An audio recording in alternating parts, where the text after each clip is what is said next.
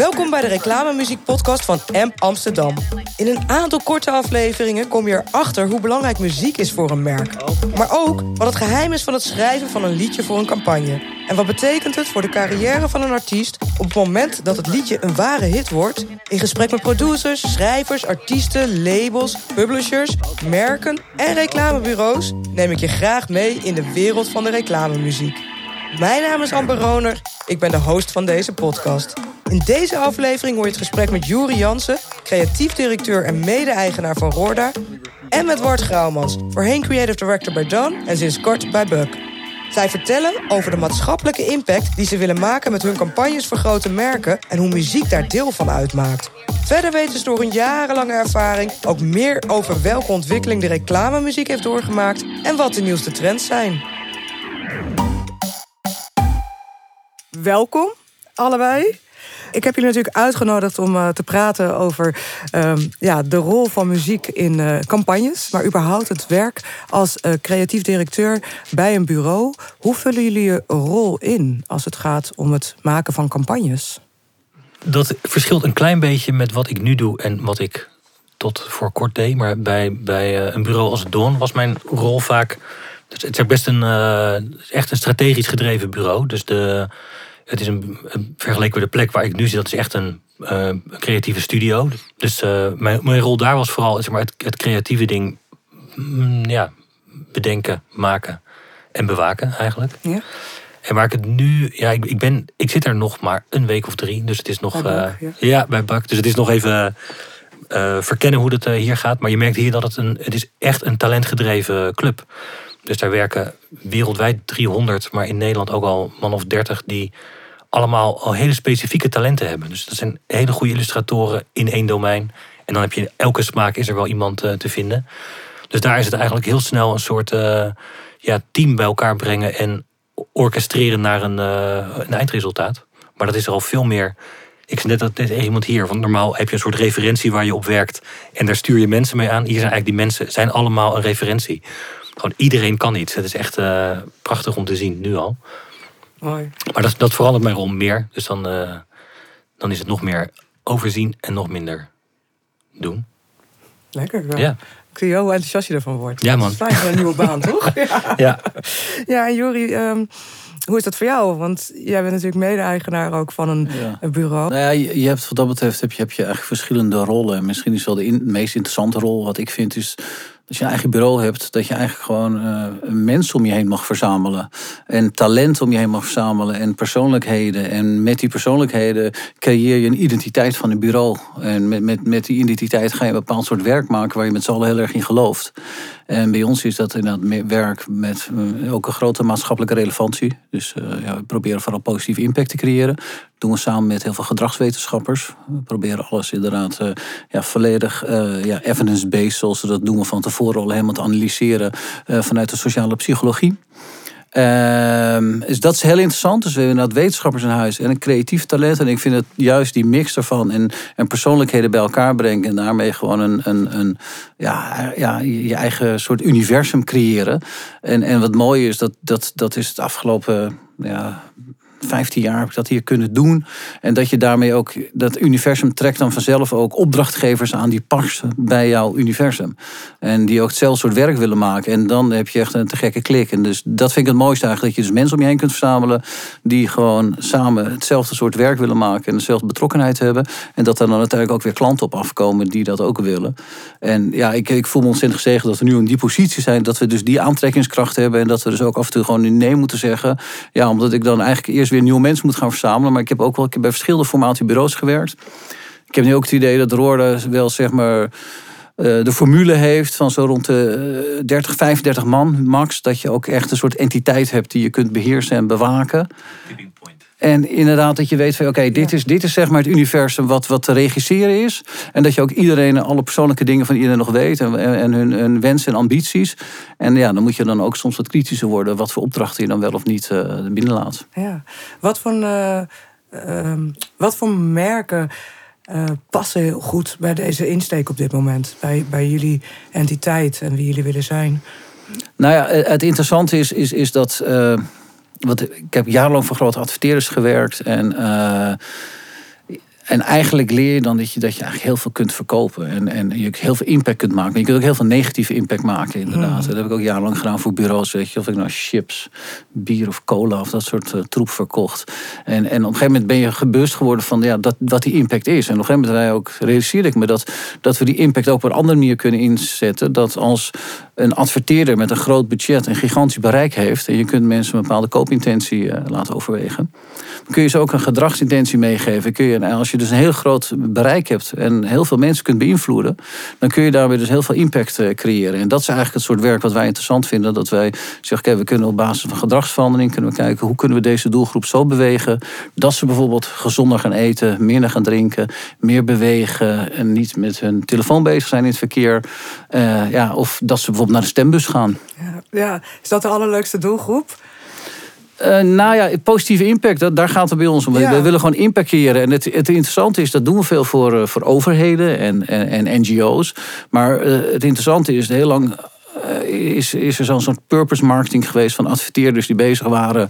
Ja, een soort greenwashing. Hè? Dus mm. je merk die probeert dan ook iets positiefs te doen. Maar wat ik nu interessant vind, is dat er veel meer adverteerders komen die zich ook realiseren. Oh, wacht eens even. We kunnen, het is niet alleen marketing. Het is ook daadwerkelijk impact creëren als we ons, ons, ons bereik en ons, ons, ons, uh, onze middelen inzetten om daadwerkelijk uh, zeg maar, ja, deze wereld een beetje mooier te maken. Is dat inderdaad de grootste verandering door jullie werk heen, door de jaren? Dat het daar nu veel meer om gaat? Dat het vroeger inderdaad verkopen was en dan plakte je er misschien een label op. En nu is het veel meer eigenlijk dat er ook meer is dan alleen die commercial. Er zit een hele campagne omheen vanuit een bedrijf. Ik denk, ja, ik denk wel een van de een van de grootste veranderingen. Ook, ook buiten advertising. Is ook gewoon dat, dat merken zelf eigenlijk dat al doen. Ja. Die al in hun uh, begin, begin uh, statuten dit eigenlijk al uh, hygiëne vinden. Ja. Wat alleen maar goed is natuurlijk. Maar het is, ook niet, het is ook niet dat dit overal gebeurt. Hè. Ik denk dat, dat, dat wij wel een soort eigen eilandje hebben gecreëerd. Er zijn nog steeds heel veel commerciële dingen ook. En als je nu nog kijkt wat er als advertising voor werk wordt gemaakt, weet je, dan, dan, dan is er nog een, een wereld te winnen, hmm. denk ik. Ja, zeker. Ik heb jullie ook gevraagd om een aantal uh, voorbeelden mee te nemen waar we eens even goed in kunnen duiken. Uh, Juri, ik begin bij jou. Wat is nou zo'n campagne waar je echt met veel plezier op terugkijkt en waar je met ons eens even in wilt duiken? Nou, misschien is het wel leuk naar een van de eerste projecten te gaan die ik heb gedaan. Dat is, inmiddels uh, eh, 15 jaar geleden, waarbij muziek een grote rol speelde. En, en ik denk wat wij als Roorda heel veel doen, wij proberen met onze campagnes fenomenen te creëren. Dus de Bob-campagne is een fenomeen geworden. Niks achter is een fenomeen geworden. En wij proberen daar vaak ook uh, popculturen aan te koppelen. Van wat speelt er op dit moment en hoe kunnen we daarop inhaken. Nou ja, Donnie is daar denk een goed voorbeeld van geweest. Uh, we hadden een campagne waar we moesten zorgen dat jongeren een vuurwerkbril gingen opzetten. En, en toen hebben we inderdaad, was net, en dat vind ik heel interessant. wat wij vooral proberen is niet aan te haken bij hele grote artiesten al op het moment dat ze gearriveerd zijn. Ik denk er moet altijd een win-win zijn voor alle partijen. Dus zowel voor de adverteerder, de opdrachtgever als de artiest. En Donny had toen net in de zomer een, een, een, een soort viral hitje gehad met, uh, met, met Planga, snelle Planga. Toen dachten wij van, hé, hey, kunnen we daar niet uh, ja, de knalplanga van maken? En toen hebben we daar een hele clip omheen gemaakt. En, een, ja, en dat was eigenlijk een soort, soort eerste grote klapper binnen Roorda. En toen hebben we eigenlijk bijna elk jaar weer vervolgen daarop gemaakt met andere artiesten en met andere onderwerpen. Ja, dat, dat we nu ja, onderweg hier naartoe realiseren ik dat het bijna een soort Roorda-catalogus is van dat soort catalogus is van dat soort, soort En dat vind ik wat gek. Maar waar ik eigenlijk dus naartoe was, het allereerste ding wat ik echt helemaal maakte, dat is 15 jaar geleden. Toen was voor de gemeente Amsterdam. Toen was eigenlijk ook, uh, waren we ook op zoek naar een project om meer verbinding te creëren in de stad. Omdat iedereen uh, toch ja, steeds minder contact met zijn buren had en met zijn wijk. En toen hadden we de Stadspelen georganiseerd, waarbij er verschillende competities waren tussen de verschillende stadsdelen. En uh, toen hebben we een track opgenomen waarbij we uh, allerlei hip-hop talent vanuit hun eigen stadsdeel, een stadsdeel mochten representen in die track. En dat was een heel grappig ding, want dat is ook, ook gelijk een, grappige anekdote. Dus bijvoorbeeld wie deed mee? Sjaak, die vertegenwoordigde bijvoorbeeld Oost. We hadden Brace, die was van Betondorp. We hadden Nina vanuit Zuidoost. We hadden QF vanuit Noord. Dus we hadden echt allemaal lokaal talent die echt hun eigen wijk gingen representen in die track. En oorspronkelijk zouden we het doen met een track van, van Willy Alberti. En het was heel grappig. Twan van de Oppositie had toen net dat hitje van uh, Dom Plomp Famous. Die waren net ook Upcoming. En ik had Twan gevraagd inderdaad om de beats daarvoor te maken. En we hadden een track van Willy Alberti daarvoor genomen. En al die rappers vonden het gek, want Willeke zou ook meewerken. En toen een dag voordat we de studio in gingen, werd ik gebeld door de manager van Willeke. Die zegt, ja, ja, wie is die Twan eigenlijk? Hoe zit dat, wat is dat voor dult, weet je wel? Ik zeg, nou ja, moet je even op YouTube kijken.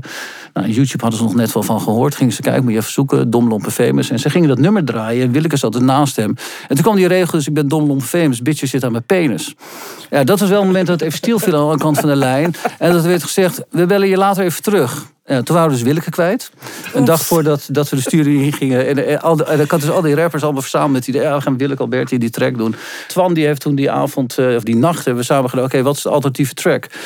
Toen hebben we van Ramses Shaffi hebben we Halleluja Amsterdam hebben gevonden. Daar heeft hij een heel nieuw beat onder gemaakt. De volgende ochtend ben ik met die beat onder mijn arm naar Ramses gegaan. Die hier, in, eh, hier vlakbij trouwens in een, in een verzorgingshuis zat. En uh, toestemming gekregen om die track te gebruiken. De studio ingegaan. En toen hebben we Halleluja Amsterdam opgenomen. En dat was echt een banger van, een, van, een, van een, ja, een lokaal ding of zo, weet je wel. Ja, het klopt allemaal. We gaan een heel klein stukje luisteren. Halleluja Amsterdam. Met onder andere Big Two featuring Brace, QF, Rotjoch, Nina Sjaak. Speakers. En we doen deze shit voor onze stad. Amsterdam, je weet. Godverdomme, waarom ben ik toch zo vreed, yo? Ik zoek een chick, hij schrijft mij in voor zo'n date show. Zo'n bij de hand, de Amsterdamse met een hete doos. Een extra chick die sowieso altijd meebouwt. Slim toch of niet dan? Maar al die chicks zijn B-man, een double date. Die 2 plus mij, dat is 3 man. Ja, dat klinkt goed toch? Ik zei toch, je? Hij gaat gewoon mee, want je vriend is een vriendje. Vlees op vlees, geen kaaf, schatje boven die chick die dag. Pak het wijs, doe niet love. Dolly was met sap. Vlees op vlees, geen kaaf, schatje boven die chick die dag. Pak het wijs, doe niet love. Dolly was met sap. Noord, Oud, Zuid, West, hier in de Pelmen. Represent de dubbel voor mijn strijd. Ik ben een van die rijders, je hebt niks te vrijzen. Ik ga je niet staken, ik ben er om te spijzen. Het sporten in mijn leven, vice, spice drinken. Jokos in de lucht op de bier naar de kinker. En ik mix de shit met een motherfucking vrienden. Mr. Shaq bij zijn bier. Kent hem. Halleluja.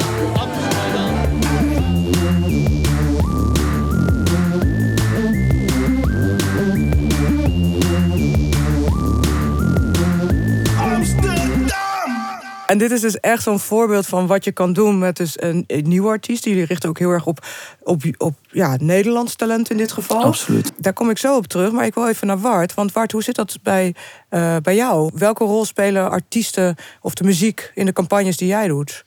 Wisselt een beetje. Bij de, toevallig op weg hier naartoe moest ik uh, denken aan... Er is één project van Bak wat nu uh, een paar maanden oud is. Dat heet We The People. Dat is een het is een, project van Netflix en de Obama's volgens mij samen. En die hebben een. Uh, die wilden eigenlijk een, uh, het, het, Amerikaanse rechtssysteem uitleggen aan een nieuwe generatie. En die hebben daar een hele serie voor gemaakt. Bijna als een soort musical. Elke aflevering is een nummer. En uh, daar heeft Buck een aantal ja, soort verfilmde clips gemaakt van.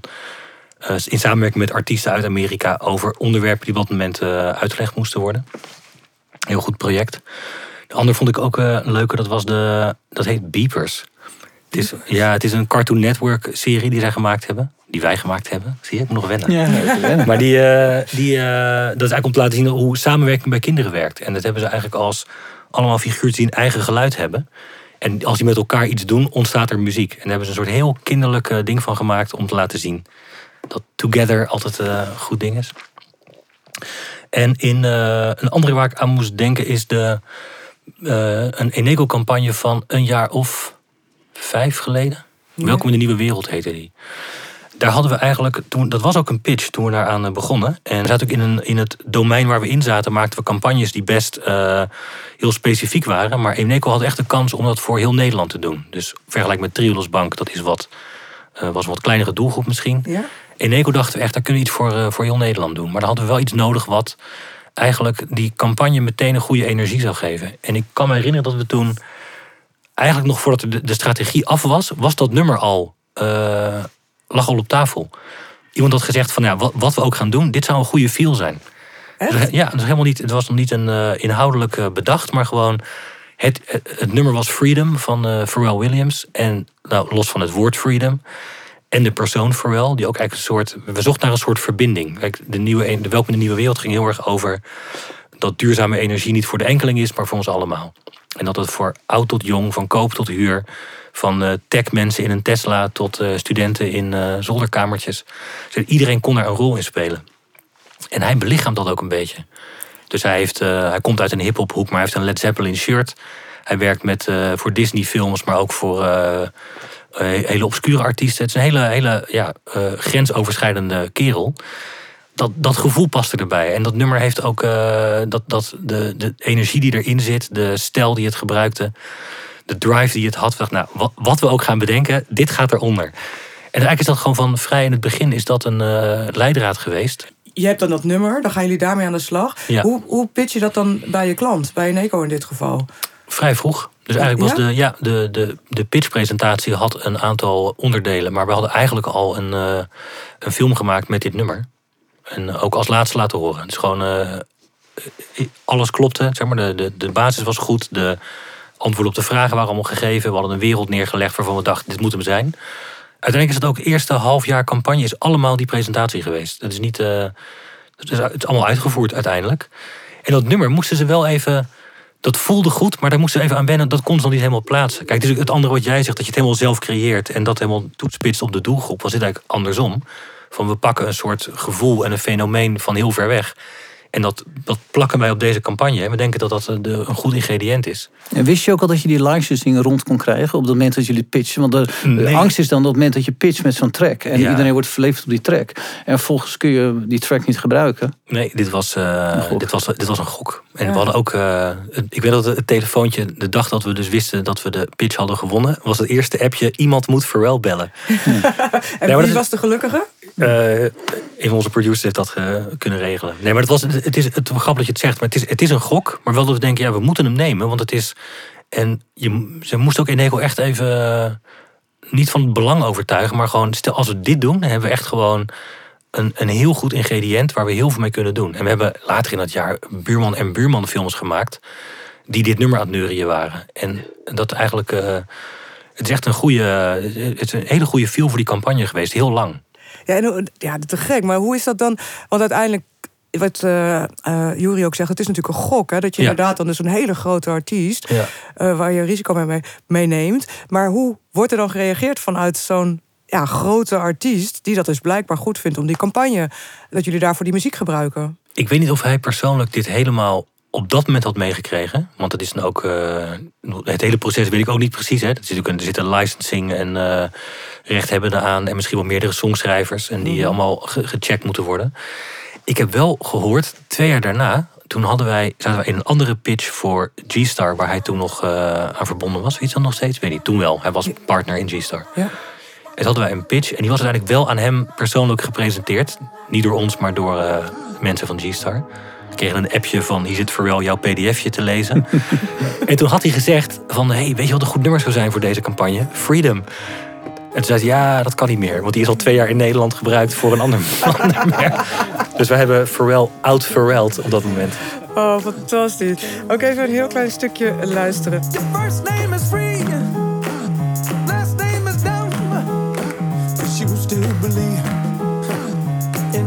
from.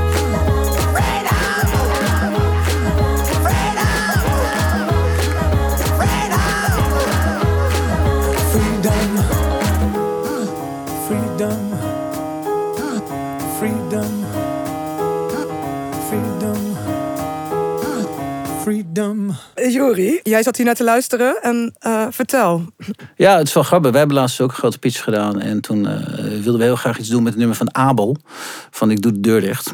En eh, onderweg. En, eh, en daar hebben we de pitch mee gewonnen. En eh, maar toen wilde dus Abel niet dat het nummer gebruikt werd.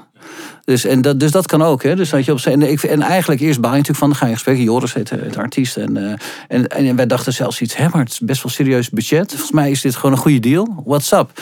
Maar dat nummer heeft blijkbaar zo'n persoonlijke betekenis voor hem. Dat hij zoiets had van, ja, ik, ik voel me een sell-out. Als ik dit nummer nu aan advertise, ik denk gewoon dat hij dit nummer ooit voor zijn grote liefde heeft geschreven. En hij dacht, als dit nu ooit ergens anders wordt gebruikt, dan is het gewoon niet oké. En, en daar heb ik eigenlijk alleen maar respect voor. Dan Ja. denk ik van, oké, weet je wel. En, en dat is echt de gekke, Ja. toch als je, iets, als je iets origineels creëert samen, dat je ook voelt dat de intentie juist is, dat het authentiek is en dat het, dat het real is. En, en ik denk dat dat wel voorwaarde is. En daarom proberen wij heel veel ook echt zelf te maken. Omdat je denkt van ja, oké, dan weet je ook dat, dat alle, alle, alle, ja, alle, alle, alle zijn op groen staan. Ja. ja, dat is natuurlijk inderdaad belangrijk. En daar ben ik ook benieuwd naar. Want hoe is de samenwerking tussen jullie en het, eh, het merk, die uiteindelijk de klant, die komt bij jullie met een bepaalde vraag. Kun je me eens meenemen door zo'n proces aan de hand van, eh, nou, kies er maar één, Goldband of Glenvaria? Of... Nou ja, niks 18 is denk ik inderdaad op zich wel een goede. Kijk, dat merk, dat, dat, dat, dat, dat, daar, dat, dat hebben wij, nou, ik denk inmiddels jaar geleden ontwikkeld. Toen eh, was er een wetswijziging, namelijk jongeren mochten niet meer op hun 16 al tabak en alcohol kopen, maar het mocht pas vanaf hun 18e. En dan moesten wij gewoon een campagne rondom maken om dat te gaan vertellen. Toen zeiden wij, ja, maar als je echt wil dat de wereld verandert, dan moet je alleen een wetswijziging moet je gaan eh, communiceren, maar dan moet je een sociale norm gaan veranderen. Namelijk dat het normaal is om niet voor je 18e te roken of drinken. Dus toen hebben wij, los van dat we die ene advertentie hebben gemaakt, eh, waar ze om vroegen, hebben we gezegd, volgens mij moeten we een, een, een, een norm, sociaal normeringscampagne gaan maken. Waar ook iedereen onderdeel van is. Dus de retailers, de, de brouwers, de KNVB. eh, ja, overal eigenlijk waar alcohol en tabak verstrekt wordt. eh, die moeten er onderdeel van zijn. Dus toen hebben we eigenlijk hebben we het merk Niks 18 eh, bedacht. Meer vanuit het idee creëren een fenomeen waarbij je iets wat moeilijk bespreekbaar is. Het is vervelend om te zeggen van ik wil niet. ik, het, het was op dat moment, mijn dochter was toen eh, 14. Die ging met vrienden mee naar Italië op vakantie. En op Schiphol dacht ik, ga ik nou tegen die ouders zeggen van ik wil niet dat ze straks bij jullie rookt of drinkt op vakantie. Weet je. Dan voel je toch een beetje een zullige vader. Dus ik hield mijn mond. Weet je, een eerste foto die ze op Facebook postte was gewoon. Met een welkomstcocktail in de lobby van het hotel. Ik dacht, had ik nou maar gewoon iets gezegd. En het mooie van, toen dacht ik, hey, bij Bob is het mooi. Je zegt niet van, ik ga vanavond niet drinken. Je zegt, ik ben er Bob vanavond. Dus je moet eigenlijk weer een fenomeen creëren... waardoor mensen weten van... en ja, nu kun je dus zeggen, zijn jullie ook ouders van niks? De cashiers bij Albert Heijn weten van niks. In de, in de kantine weten ze van niks. Weet je? Dus dat niks is een soort nieuw begrip geworden... wat onderdeel is van taalgebruik. Nou, zo is dat, dat merk niks 18 ontstaan. En, eh, ja, en eigenlijk ontdek je steeds nieuwe inzichten. Waarom vinden mensen het toch nog moeilijk om die afspraak te maken? Nou, gegeven moment ontdekten we dat, met name rondom de feestdagen, is er een best wel grote uitdaging. Dan is het gezellig met z'n allen. Je zit met kerst aan tafel, je hebt oudejaarsavond en er is wijn voor iedereen. En dat is vaak het moment dat ouders toch denken van, oké, voor de gezelligheid doe toch maar een beetje mee. Alleen het lastig voor zo'n kind is dan, als we het eerste nipje of glaasje hebben gehad, ja, dan is gewoon in principe, ja, dan, eh, is het gewoon ready to go. Ja. Weet je, want dan, ja, je hebt toch al een half glas eh, gedronken, ook al zat er misschien een beetje water bij. Dus dan denk je, het mag. Dus we hebben, het idee was daar, hoe kunnen we zo lang mogelijk dat uitstellen, dat mensen ook dus juist met de feestdagen eh, niet eh, zich laten verleiden om hun, eh, het eerste glas te geven aan een, aan een puber. En toen ja, zijn we ook een beetje in onze eigen omgeving gaan kijken, hoe zit het nou? En, en het idee was eigenlijk... ehm, ja, waarom wil je eigenlijk niet dat jongeren alcohol drinken? Omdat je, je- die hersenen zijn niet helemaal volgroeid. Je gunt als ouder gun je je kind echt alles. Wat ze, wat, je wil gewoon dat ze, je wil ze perfect afleveren. En niet dat ze al jong eh, ja, potentieel verslavingsverschijnselen hebben. Want het probleem is namelijk als je heel jong al het eerst kennis maakt met alcohol, ja, dan heb je daar later van je leven, word je daar sneller verslaafd aan. En dat heeft ook de hele ontwikkeling van het brein. Mensen zijn zich wel van bewust, maar ze vergeten het vaak in zo'n gezellig moment. En toen dachten we van ja, op een gegeven moment had ik die regel bedacht van. Je gunt je kind alles, daarom schenk je ze niks. En toen dacht ik, hey, fuck, dat is eigenlijk wel een hele mooie gedachte voor een, voor een track. En toen eh, zijn we eerst, eh, nou, eerst een andere artiest. Op een gegeven moment eh, ben ik in contact gewoon, heb, heb ik Glenn Faria gebeld.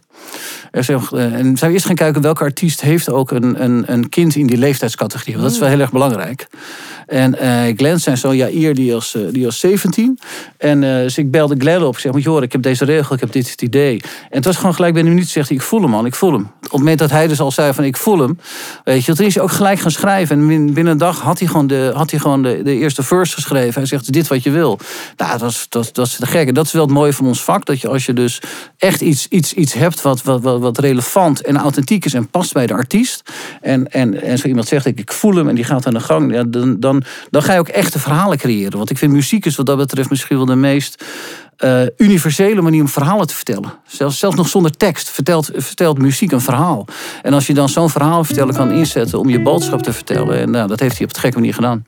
Ja, zullen we daar ook een klein stukje van luisteren? Glenvaria, even niks. Vroeger zat je op mijn schoot, kijkend naar de kerststal. Schreef je op je allerbest je naam op een kerstbal. Deed ik of ik Rudolf was, maar vliegen lukte net niet. Toen zei je tegen mama, mama, papa is een En in de koude winter kreeg je warmte thuis. Dan werd het eerder donker, kwam je vroeg naar huis. Dan las ik avonturen van je helden voor. En dat ik alles zelf verzon, dat had je altijd door. Nog even niks. Ik gun je alles, schat, maar dit is wat het is. De bubbels zijn er, maar ze blijven even fris. Ik gun je alles wat je wil, je hebt het mis. Maar nu nog even niks, nog even niks. Ik gun je alles, schat, maar dit is wat het is. De bubbels zijn er, maar ze blijven even fris. Ik gun je alles wat je wil, je hebt het mis. Maar nu nog even niks. Ik schenk nog even niks. Prachtige track, prachtige clip zit er ook bij. Dus heel belangrijk dat de artiest zich ook verbonden voelt met wat je aan het doen bent. Uh, Jori, jij zei net ook inderdaad, het is gewoon iets... die muziek die vertelt het verhaal al. Um, eigenlijk heb jij dat ook, Wart. Jij zegt, eerste muziek kan echt heel erg helpen... voor het gevoel wat je wil neerzetten. Ja, ja. absoluut. Kun je eens uitleggen inderdaad, hoe vind je dan de juiste track? Waar, wat is de eerst? De vraag van de klant, de briefing? Uh, loop jij met een idee rond en pitch je dat dan zelf bij een klant voor een nieuwe campagne? Het kan, het kan alle drie, maar meestal ligt er toch eerst een vraag waar je een antwoord op probeert te formuleren. Maar de, wat Jury net ook zei, is mu muziek is eigenlijk de, het overkoepelende ding om ergens een gevoel aan te geven. En volgens mij is een. Elk, elke campagne of elke film, die moet, die moet iets uitleggen, daar moeten mensen iets van onthouden. Maar dat doe je ook het beste als je het ook voelt als er een emotie aan, uh, aan gekoppeld wordt. En denk, dat is natuurlijk het mooie van film, dat je op heel veel uh, is dat, registers open mag trekken. Maar muziek is daar nou, bijna altijd wel de, de holy grail. Ja. En het, want je zei net, uh, je kan natuurlijk inderdaad gewoon iets helemaal, als je iets maakt met een artiest, is het heel, is het authentiek en dichtbij. En kan je dat helemaal bijna bouwen en sculpten zoals je wil met elkaar. En, maar wat ook wel kracht is van muziek, is dat het soms tapt uit een collectief onderbewuste. Dus dat je een heleboel. Ja, ik kan ook een paar van die open deur voorbeelden, maar Nike heeft wel zo'n eerste Nike-film met een nummer van John Lennon. Hmm. Wat ook maar gewoon geregeld was omdat iemand kende Yoko of zo en daardoor kon dat, want anders was het no way gelukt. Maar dat, dat is dan een, een nummer als Instant Karma was dat volgens mij. Maar daar zit zo'n universeel gevoel in, wat iedereen uh, ergens kent en raakt. En dat is natuurlijk de, dat is ook de kracht van muziek. Dat je kan, kan tippen aan iets wat groter is dan jezelf eigenlijk, dan onszelf. En het goede van zelf iets maken, dat is dat je, ja, je kan het helemaal, je kan het echt van jou maken, maar dat moet je, dat moet je gaan laden. Dat moet de tijd krijgen om, uh, om uh, te kunnen groeien en te, natuurlijk ook ja, op alle, alle vlakken waar je mee geconfronteerd wordt, is dat een. Ja, het, is, het klopt heel erg wat je zegt, want het is vaak ook heel goed om een, een soort collectief bewust, onderbewustzijn in te tappen. Dus een bekend nummer. En waar, waar, ik denk dat is ook een trend die je heel veel ziet in de muziek. Dat er dus bestaande tracks worden opnieuw uitgebracht. de track van Abel waar het over had is ook opnieuw uitgebracht. Daar heb je het in een veel breder publiek. Je plakt zeg maar de mensen die de track nog voelen uit de jaren negentig. En je pakt een nieuwe generatie. Omdat je er een hedendaagse artiest aan, aan koppelt. Dus er, er zit voor allebei is, is wat te zeggen. Maar ik denk dat wel een reden is. Ja, heel veel hip-hop maakt natuurlijk ook gebruik van allerlei bekende beats. Ik had laatst trouwens. Ik was, je had het net over muziek. En uh, bijvoorbeeld uh, Fleetwood Mac ben ik opeens weer helemaal into. En dat, dat Thinking About Tomorrow van hun, dat nummer. Dat is voor een politieke campagne op een gegeven moment door de Clintons volgens mij heel succesvol ingezet. Want er, er zat zo'n emotie bij. En vorige laatst was ik dan weer in die, in die Fleetwood Mac catalogus aan het zoeken. Het kwam bij Stevie Nicks, een, een track uit, ik geloof 17 heette die track. En dat intro, ik dacht, fuck, dat intro, dat, dat ken ik. Dat is gewoon zo'n bekend intro. En dan is er blijkt gewoon, Boetelicious van Destiny Child heeft gewoon letterlijk gewoon dat intro gesampled, weet je wel. En, en dat is wel interessant hoe, hoe dat dus ook werkt. Dat je toch blijkbaar zo'n collectief uh, ding dan kan pakken en weer helemaal naar, uh, naar het nu kan trekken. Ja, zeker. En ik denk ook dat dat um, ja, de rol ook is van muziek. Dat, dat onderbuikgevoel. Dus als je je richt, zoals nou ja, in jouw geval, Jury, natuurlijk veel overheidscampagnes, veel de wat jongere generatie. Uh, maar die zijn natuurlijk ook thuis opgegroeid met een bepaald gevoel in de muziek. Je hoort ook thuis muziek van je ouders. Um, dus dat het ook kan helpen om inderdaad nieuwe artiesten misschien wel te lanceren. Door op dat onderbuikgevoel te gaan zitten. We hadden het net over waar ik, uh, wanneer ik was gestart in het vak. Dus in het begin jaren 90 was er een hele grote regisseur in Nederland. heette Ted Lensen. En ik herinner me van hem nog een geniale quote. En dat gaat dan over de kracht van muziek. Weet je, zijn, zijn quote was... eh, het film, het beeld is, is, is het wapen, maar de muziek is de kogel. En dat, dat vind ik nog steeds een hele mooie metafoor, zeg maar. Hoe je mensen raakt. Je kan nog zo'n mooie film maken, maar dat is eigenlijk... Ja, wil je mensen echt raken, dan is muziek uiteindelijk hetgene wat echt binnenkomt. Het is een beetje een vervelende metafoor in deze tijd, moet ik zeggen. Maar je begrijpt wat ik bedoel. Ja, Ja, zeker. Jury, vanuit eh Roorda hebben jullie ook veel artiesten die dus eh, waar jullie mee samenwerken, die nog niet bekend zijn bij het grote publiek. Is dat ook wat de benefit is voor, voor de artiest als, ze, als jullie met hun willen samenwerken? Dat ze daar een springplank hebben? Nou, e- eigenlijk wat ik net zei, er moet voor beide, voor alle partijen moet er, wat te winnen zijn. En het moet niet alleen maar eh, zijn, hier heb je een zak met geld. Want dan, en dat, dat zou ik zelf ook niet oké vinden. Want wij doen veel campagnes voor NGO's en voor de Rijksoverheid. En dan zeg maar een artiest kopen met een groot zak geld. Ik bedoel, wij zouden nooit zeg maar ja, een ton voor Pharrell gaan betalen. Want dat, dat, ik vind ik vind het dan interessanter om dan eh, eh, voor, voor, voor 15k een track te maken met een nieuwe artiest. En die op die, op die manier een podium te geven. En, en dat is wel hoe wij, eh, ja, hoe wij het proberen in te richten, inderdaad. En natuurlijk zal het ook, als we een keer de kans krijgen om wel zo'n te gekke track te. zal misschien ook. Maar het is wel een afweging dat je moet denken: van oké, weet je, het is, het, is, het is geld van het collectief. En wil je dat dan zeg maar naar een grote Amerikaanse artiest brengen waar het peanuts voor is? Dus ik, daar, daar, wij zijn altijd wel bezig met zo'n soort. Ja, ja, ik weet niet of het een morele afweging. Ja, misschien toch wel. Bijvoorbeeld, nou, wat ik wel interessant vind, we hebben het over Donny. We hebben Donny gelanceerd toen met, met, met knalplangen. Of hij heeft zichzelf gelanceerd eigenlijk natuurlijk, moet ik zeggen. En even later is hij gebruikt in de Koning, to of in de, in de, in de, in de Koning Toto campagne. Ja. En, en, en dat voelde voor mij juist veel minder authentiek. Omdat ik sowieso heel erg bezwaar heb tegen dat soort reclame. Helemaal de laatste tijd vind ik dat wij als, als industrie... Ja, toch wel heel erg ons broek hebben laten zakken... voor de commercie van, van, de, van, de, van, de, van de kansspelen.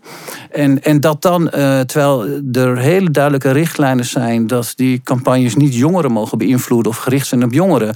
Terwijl wij juist Donny hadden ingezet om die jongeren te bereiken. En vervolgens krijgt hij voor het grote geld gaat hij voor Koning Toto die jongeren ook bereiken. Ja, dat doet wel een beetje pijn. Ja.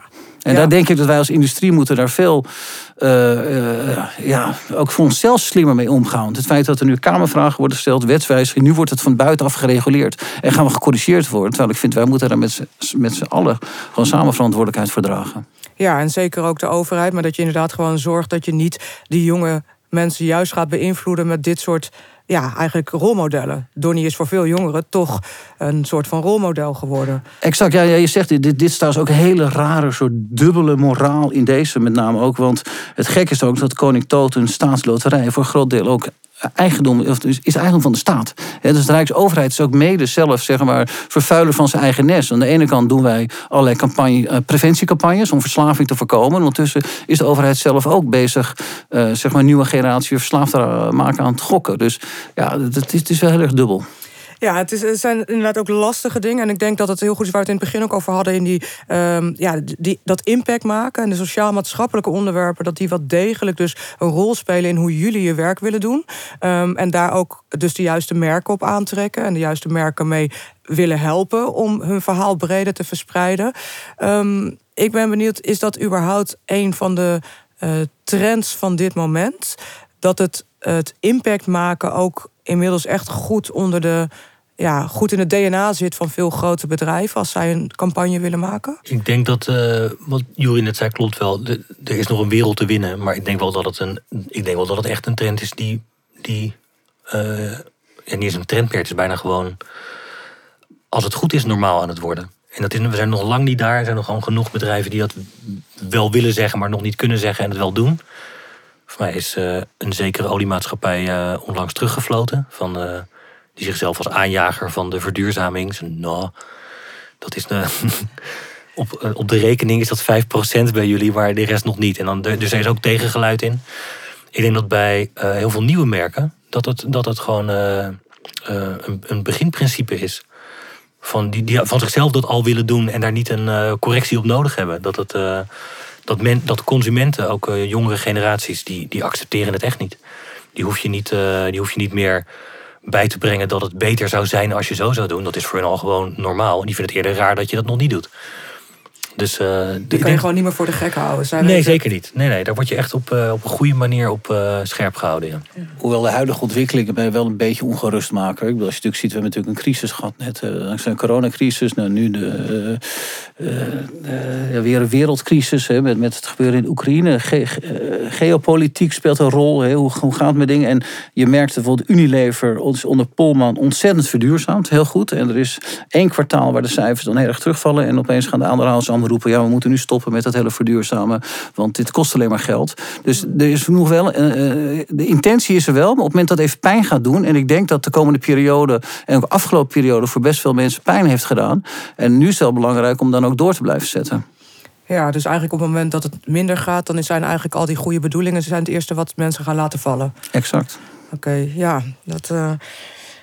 Dat is toch heel verdrietig om te horen. Ik wil dat nog een beetje gezellig houden in deze tijd. Ik ben, ik ben hoopvol. Oké, gelukkig. ik ben ook nog even benieuwd naar, met al jullie ervaring, al jullie kennis. Wat is eigenlijk de grootste ontwikkeling in het gebruik van muziek bij, uh, bij grote campagnes, bij grote merken? Nou, ik denk dat volgens mij ik weet niet of dat een trend is, maar ik denk dat er, dat er, op, er is veel meer muziek in commercials. Uh, gewoon de gezongen, de gezongen commercial.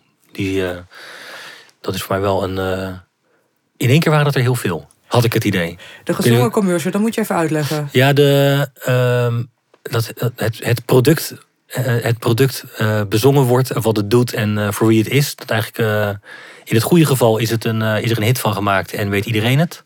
En in, het, in het minder goede geval is het de briefing, maar dan op een liedje. Die, uh, dat is eigenlijk heel classic. Dit is heel We kennen allemaal nog de sandwich spreads. Lekker fris. Ja. Ik hou van lekker fris. Ik hou van lekker anders. Ik hou van lekker ja. anders. Lekker fris. Ik hou van bruin. Ik hou van wit. Ik hou van brood waar, vis op zit. zit. Nee, ja, Weet je, dat is, het kan ook. Je kan ook de classics uh, inderdaad schrijven. Dus dat, dat, dat is wel iets wat inderdaad terugkomt. Nou, wat, wat ik heel erg interessant vond als je naar de afgelopen kijkt. Uh, de Super Bowl is altijd een event waarbij iedereen altijd kijkt. Wat is voor advertising daar geweest? En ik was eigenlijk niet zo heel erg verrast van de advertising. Zeker als het om muziek gaat. Maar ik vond eigenlijk daar Pepsi de grote winnaar. Omdat ze eindelijk een, een, een, een halftime show hebben die volledig dedicated was aan hip-hop. Dat ik echt dacht van wow, dit is nu wel het moment dat hip-hop mainstream is geworden. En dat uiteindelijk daar dus, uh, ja, dat, dat was voor mij wel. Dat ik dacht, hey, dat, dat, is, dat heeft even lang geduurd. Ja, dus hip is in, hip-hop is inderdaad mainstream of in de popcultuur van dit moment. Ja. Wat zijn andere grote veranderingen? Wat ik wel merk is dat de, de grenzen vervagen. Zo, kijk, dat hip-hop mainstream was, is, is één ding, maar dat, dat is ook al best wel een tijd. Maar de, dat de, de smaakgrenzen of interessegrenzen heel erg vervaagd zijn. ik hoorde vanochtend zag ik op eh, Instagram van een kledingmerk uit Amsterdam, Lack of Guidance. Die jongen die maakt uh, ontwerpkleding, zit in een jaren tachtig voetbal thing wat hij op kleding doet. Maar die heeft op zijn playlistje een of andere jaren zestig obscure psychedelische songwriter. Die hartstikke mooie muziek maakt, maar dat kent hij dus. En dat vindt hij passen bij wat hij doet. En dat eigenlijk de, de afstand kan niet groter zijn. En voor hem is het gewoon één dat soort dingen zie ik heel vaak. Dat het niet meer. Uh, uh, dat, dat het grensoverschrijdend is en dat het heel. Iedereen plukt overal vandaan, kent veel meer. Spotify is natuurlijk uh, daar een, een key ding in. Dat je gewoon overal terecht kan komen en van alles tot je kan nemen. Maar dat, dat, dat vind ik wel echt een, een hele super positieve ontwikkeling. Mooi. En hij gaat dat sneller dan ooit. Ja, dus al die.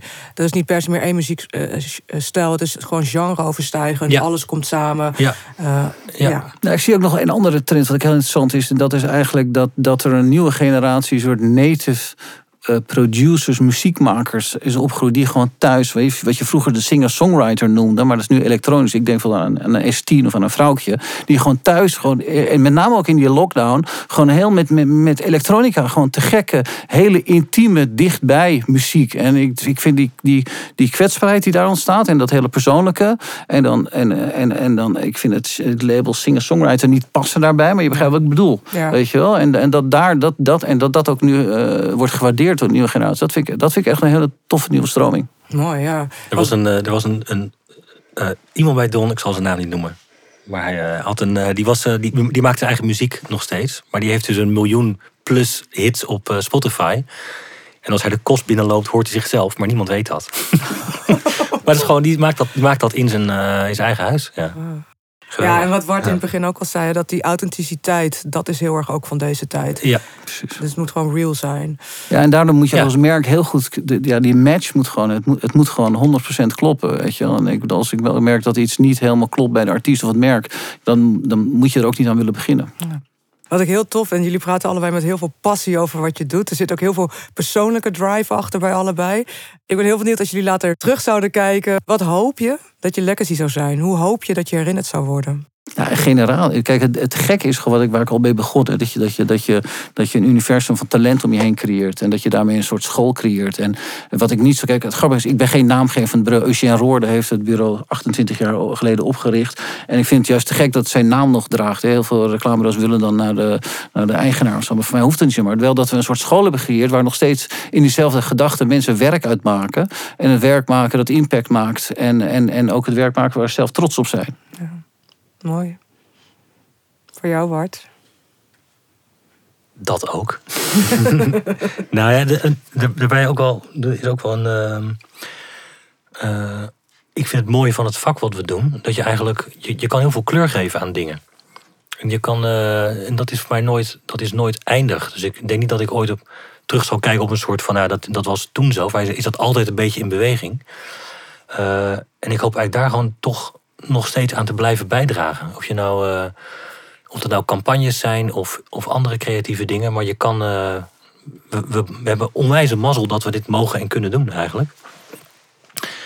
En dat alsmaar beter, nieuwer en eh, onderscheidender, dat is toch een. that's the fun, toch? Ja, Zeker. dus daar ga ik op terugkijken. Mooi. Tot slot heb ik nog een eh, aantal dingen die ik van jullie wil weten. Welke rol speelt voor jullie de muziek in een campagne? Nou, de ene, eh, het feit is dat ook voor merken. Je hebt natuurlijk de, de campagne en de film. En dan is het. eh, ehm, is muziek volgens mij dat wat, het, wat, je, wat je raakt en wat je. Er is ook zo'n klassieke communicatie. Van mensen onthouden niet wat je doet of wat je zegt, maar hoe je ze hebt laten voelen. Het gevoel wat je ze gaf. Daar is voor mij muziek eh, key in. Maar ik denk ook dat je nu. Dat is als je nou alleen naar een film kijkt, is dat makkelijk te duiden. Maar merken op, op heel veel plekken aanwezig nu. Eh, dus, weet je, je hoort het even in, in 15 seconden in een story. Of eh, ergens als je een winkel binnenloopt. Of op, op, op events waar het in één keer een rol speelt. Dus voor mij is het ook een. kan het los van een onwijs impact aan één campagne-uiting geven. kan het ook een merk een gevoel en een sturing geven door alle lagen heen. En dat is natuurlijk. Ja, de media versnippert een beetje. En dan is het belangrijk om een paar dingen vast te houden. Van als ik nou, als ik nou een telefoon opneem en ik hoor een wachttoon. Hoe weet ik dan dat het dit merk is? Als ik een, eh, als ik een stem hoor die tegen me praat. Eh, los van een voice-over in een film. Maar hoe praat een merk? En hoe... Al dat soort dingen. Daar speelt muziek en geluid ook een enorm belangrijke rol in. Hoe je al die onderdelen kan kleuren. En dat het daar toch, een, eh, toch één merk bij blijft. Mooi. Ja. En in deze tijd denk ik dat audio ook steeds belangrijker wordt. Ja. Dus inderdaad, de stem, eh, het geluid, dat, dat is veel breder dan alleen nog Ja. muziek of artiest die je uitzoekt. Ja, wat, wat voor geluid maakt het apparaat als je het aanzet? Ja. Ja, het is allemaal, eh, dat is, dat is voor, voorbij een, eh, een, een nummer wat je raakt, is het volgens mij nog een eh, wereld is vergroot. Ja. Ja, het idee is, mensen denken ook vaak dat, dat, dat de keuzes die we maken, of het nou in het commerciële of, eh, of eh, ideologische keuzes zijn, die, die, dat het rationeel is. Maar ik denk, ik wil wel te zeggen dat 95% van onze keuzes zijn volledig op emoties en zijn niet rationeel. Als je, waarom kies je voor een bepaald merk? Of waarom, eh, eh, waar, waar- waarom vertoon je een bepaald gedrag? Het meeste wat wij doen is onbewust. En het mooie van muziek is, muziek kan in één keer intappen op het on- onder- onbewuste. En het kan direct die snaar raken die je bijblijft. Ik had net al over, over zeg maar, hoe, hoe geur kan werken. En muziek doet het ook. Bijvoorbeeld bij die mantelzorgcampagne van ons, die heel erg ging over ja, hoe kun je eh, mensen het gevoel geven dat inderdaad voor iemand zorgen is best heftig. Dat voelt misschien als een last, maar op het moment dat je, die zorg deelt met anderen en met, met, met, met, met andermans zorg het gesprek aangaat. Nou, die film is in één keer met die muziek, die heeft mensen zo geraakt, merkt. Als je de comments bij die, bij die commercial ook ziet, ziet op YouTube. Ja, mensen voelen gewoon gelijk die track. En dan, hoef je dan, dan ben je dat verhaal aan het vertellen zonder dat je nog een voice-over nodig hebt. Dan vertelt de muziek al je hele verhaal. Mooi. Misschien moeten we daar dan eh, mee afsluiten. Met eh, nog één stukje geluid uit de campagne van Mantelzorg Deel Je Zorg. Eh, prachtige campagne.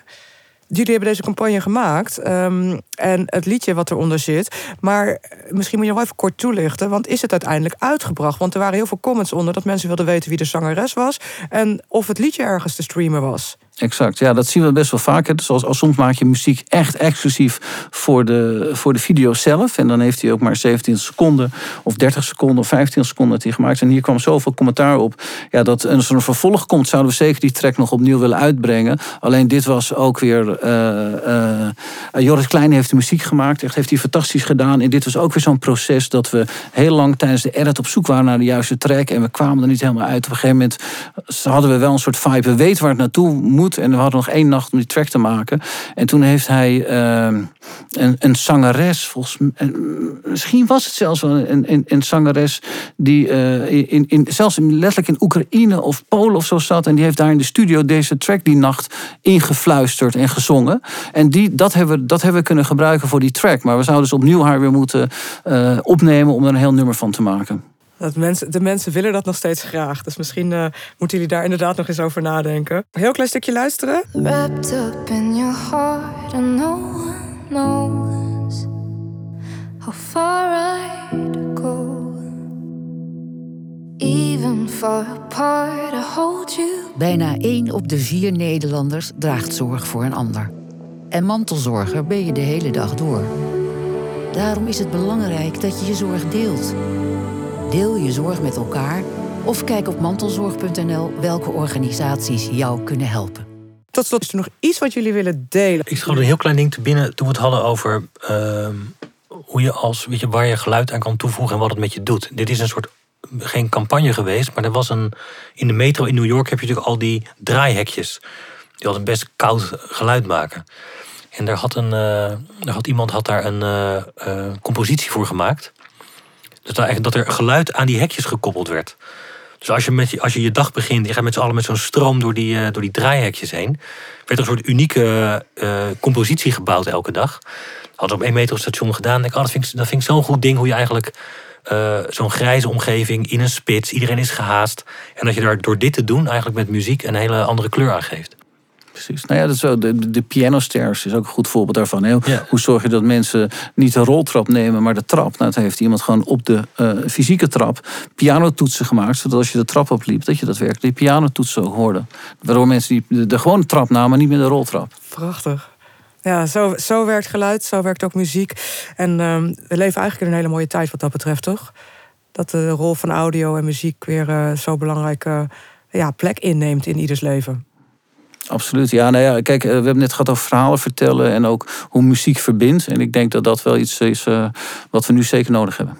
Mooi. Bart Grauwmans van Buk en Juri Jansen van Roorda. Heel veel dank. Graag gedaan. Graag gedaan, dankjewel. Dankjewel voor het luisteren naar de podcast van AMP Amsterdam. Graag tot de volgende.